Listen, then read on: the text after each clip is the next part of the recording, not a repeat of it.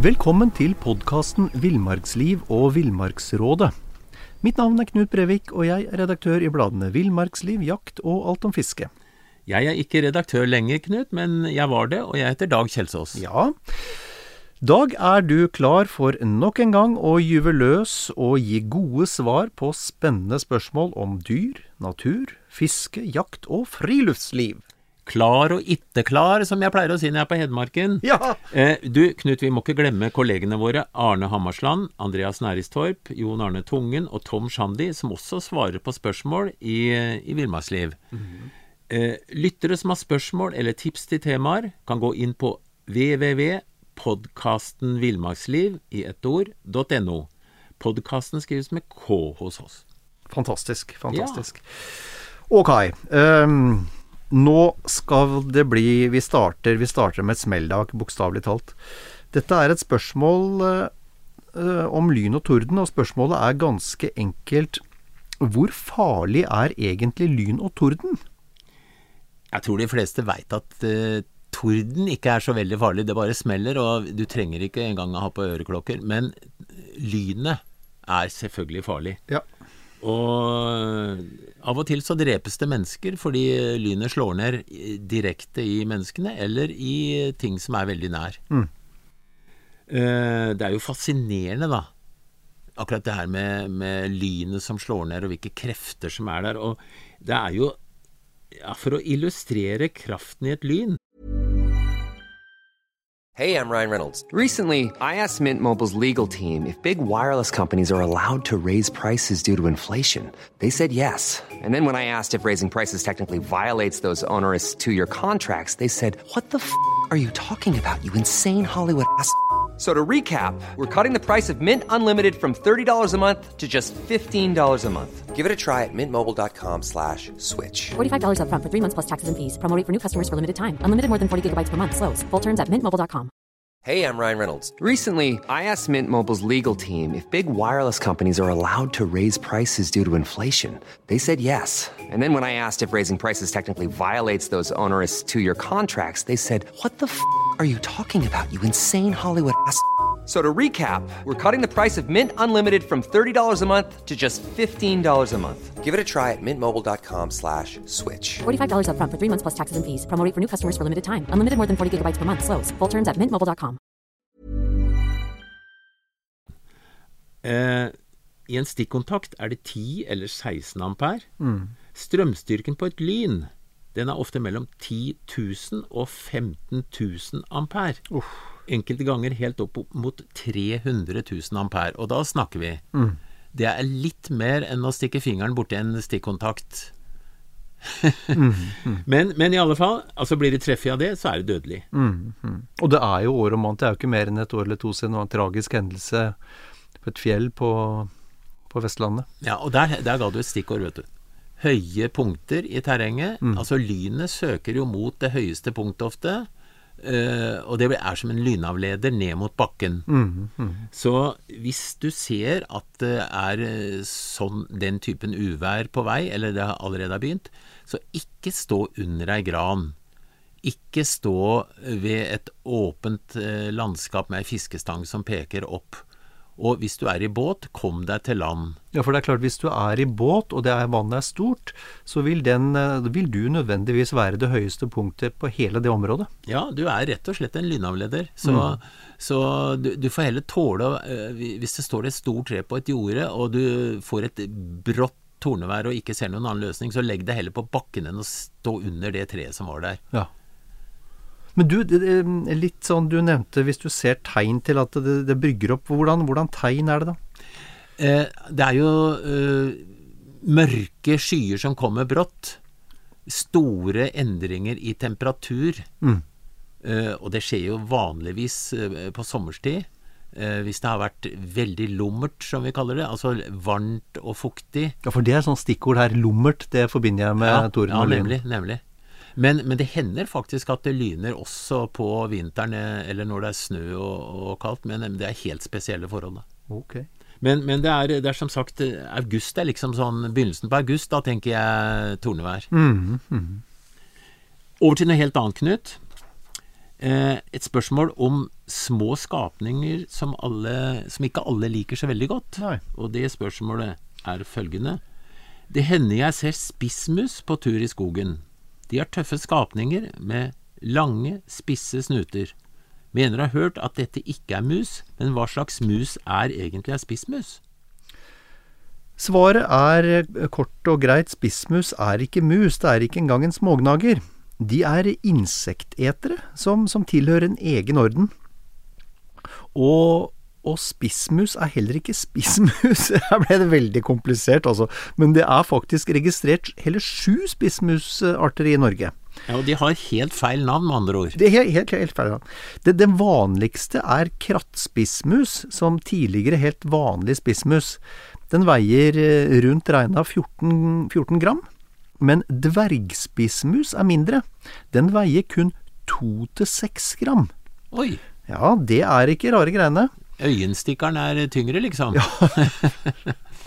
Men som om ikke det er smått nok, knøttspissmusa er enda mindre. Og nå må du ikke falle av stolen, Dag. Jeg henter mikroskopet. Ja, for den veier halvannet til seks gram, og er, eh, og er en av verdens aller minste pattedyr. De andre artene de heter lappspissmus, taigaspissmus, vannspissmus og husspissmus. Du, dette her må vi innrømme at vi har slått opp, for det visste ingen av oss. Dette skal vi være så ærlige. Ok Ja, ja. da, ok da. Ok da. Ja. Uh, det vi også kan si er at uh, spissmusene de lever av insekter, og de er, de er hyperaktive små krabater som må spise hele tida. I, uh, I hvilende tilstand så er oksygenforbruket rundt 300 ganger større enn forventa ut fra kroppsstørrelsen. Ja, og hos eh, dvergspissmusa er det registrert en puls på 1000 hjerteslag i minuttet. Altså det, det slår til og med meg det når jeg løper i oppoverbakke, og det er heldigvis ikke så ofte. Men 1000 hjerteslag i minuttet, altså. Og det er klart det sier seg sjøl at da må det spises. Jeg har en følelse av at spissmusa ikke har en veldig lang levetid. Nei, det er, er Når du lever så sterkt, Ja. så blir det kanskje ikke så lange tida, nei. Vi får håpe de har det bra de, eh, den tida de lever, da. Ja, la oss håpe det. La oss Ja. håpe det. Her er noe for deg, i Dag. Siden du faktisk eh, Du bor jo i en hule i Nordmarka, og det spørsmålet går som følger. Jeg ferdes mye i Oslomarka og ser rett som det er elg og rådyr. I høst så jeg et dyr et stykke inn for Maridalen, som etter min vurdering var større enn et rådyr. Jeg syns også inntrykket av hodet, som virket smalere og lengre mot snuten, og holdningen hode-hals var annerledes enn hos rådyr. Jeg er derfor ganske sikker på at det var en hjort. Er den i ferd med å etablere seg i Oslomarka? spørsmålstegn. Eh, Dette var en veldig observant eh, person, sier jeg. Fordi eh, jeg vil umiddelbart svare at det var nok en hjort. Ja. Og det er for så vidt ingen sensasjon, for det blir observert en del hjort i Nordmarka nå. Ikke veldig rart, da, for mot Krokskogen så er det mer eller mindre fast stamme. Sør i Hallingdalen, øst for Øyeren. Jo, hjorten den er faktisk på vei inn over Østlandet, men eh, det er fortsatt forholdsvis små bestander, da. eh, ja. Nei, fordi det er jo Det er jo et fenomen som er kjent fra, fra, mange, an, fra mange steder i Norge. Uh, altså Mens det tradisjonelt var på, på Vestlandet og, og sørover det i noe særlig grad var gjort, så har den jo, har den jo ekspandert uh, i første rekke østover. ja. Hele veien over mot, mot Sverige og, og, og grensa, og, og også nordover uh, veldig langt. Og, og, og det etableres jo det etableres jo faste hjortebestander på stadig flere områder. Og det som vel har vist seg å være Hvis, hvis du ønsker da at hjorten skal etablere seg, så er det jo viktig å holde igjen litt sånn rent jaktmessig det første året. For det, det har jo vært en tendens til at eh, man åpner hjortejakt med en gang man ser en hjort. Åpnes det for hjortejakt, så skytes det ut de få som kommer. Og da blir det på en måte aldri etablert en bestand. Da. Men hvis man ønsker at hjorten skal etablere seg, så er det nok lurt å være litt tålmodig med å åpne for jakt.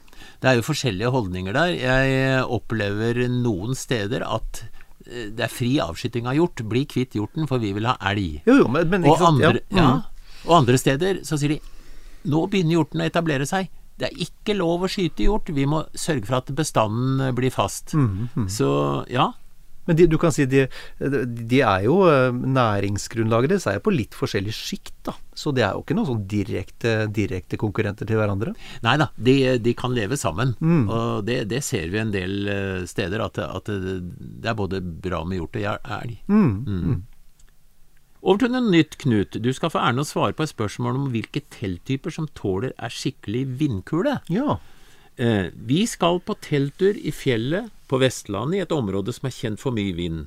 Vi lurer derfor på hvilken telttype som står best i vind. Ja. Altså, vi opererer jo gjerne med tre ulike hovedtyper fjelltelt. Da. Det er tunneltelt, det er kuppeltelt, og telt der du faktisk kombinerer de to uh, konstruksjonstypene. Um, nå er det også sånn at uh, selv om et kvalitetstelt vil takle tøft vær, uh, uavhengig av type konstruksjon, så er det liten tvil om, om at et rent kuppeltelt vil være det mest stabile teltet, om, om de andre faktorene er sammenlignbare. Da. Så her, var det, her kunne vi gi et, et klart svar. Det er gøy. Kanskje vi skal tilføye noe, Knut, og det er at det hjelper ikke hva slags telt du har, hvis du ikke fester det skikkelig til bakken. Godt poeng. Eh, sørg for at pluggene sitter ordentlig, eller legg eventuelt steiner eller, eller tjukke stokker eller noe over. Og ikke minst, bruk bardunene. Barduneres. Ja. ja. Så, så, det er en veldig viktig del av teltoppsettingen. Eh, har du et telt som er dårlig i vind, så bør du i hvert fall sørge for at det står uh, satt opp riktig. Ja, for det, bardunene er ikke pynt, det er ikke rysj. Det er altså meninga at de skal stabilisere teltet.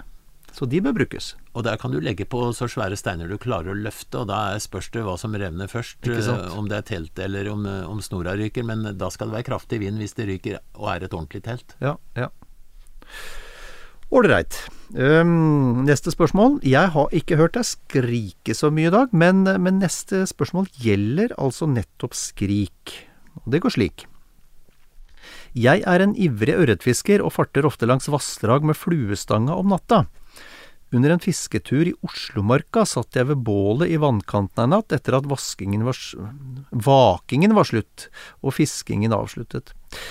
Mens tåka kom sigende over vannet, hørte jeg et klagende høyt skrik. Det kan ha kommet fra andre siden, men kanskje også fra ei av flere småøyer på vannet. Skriket er vanskelig å beskrive, men det var kanskje midt på skalaen høyt og litt stigende mot slutten, kanskje på fem sekunder. Jeg regner meg ikke som spesielt skvetten, men skal innrømme at dette jamrende skriket var nifst tenker at det var en fugl og har sett traner på øyene, eller kan det ha vært et dyr, spør altså innsender.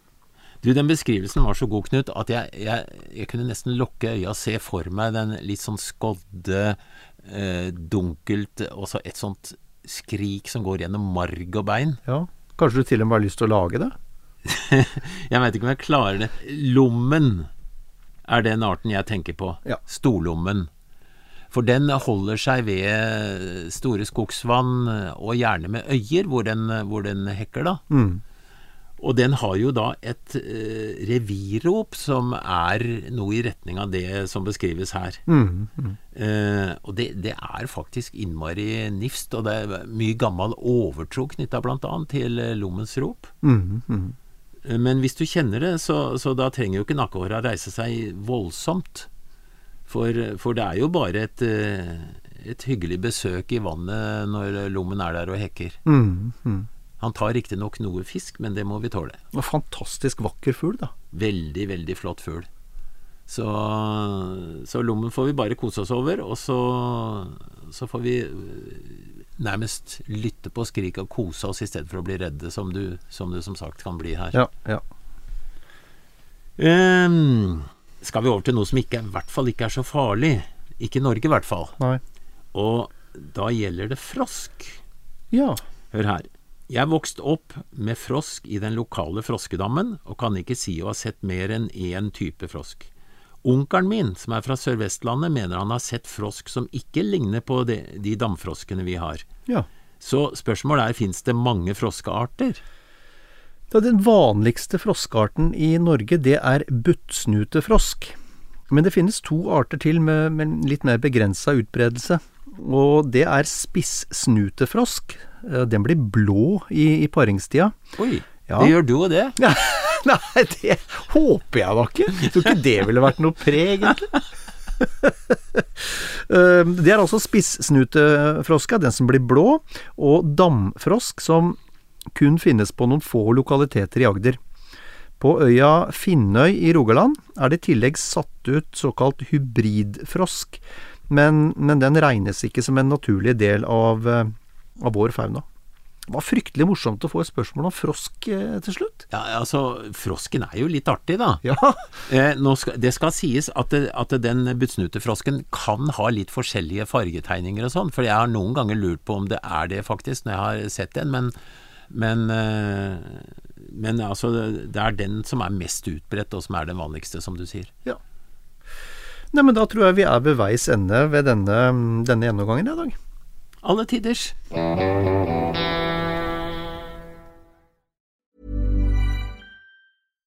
Every fan knows the right player in the right position can be a game changer. Put LifeLock between your identity and identity thieves to monitor and alert you to threats you could miss.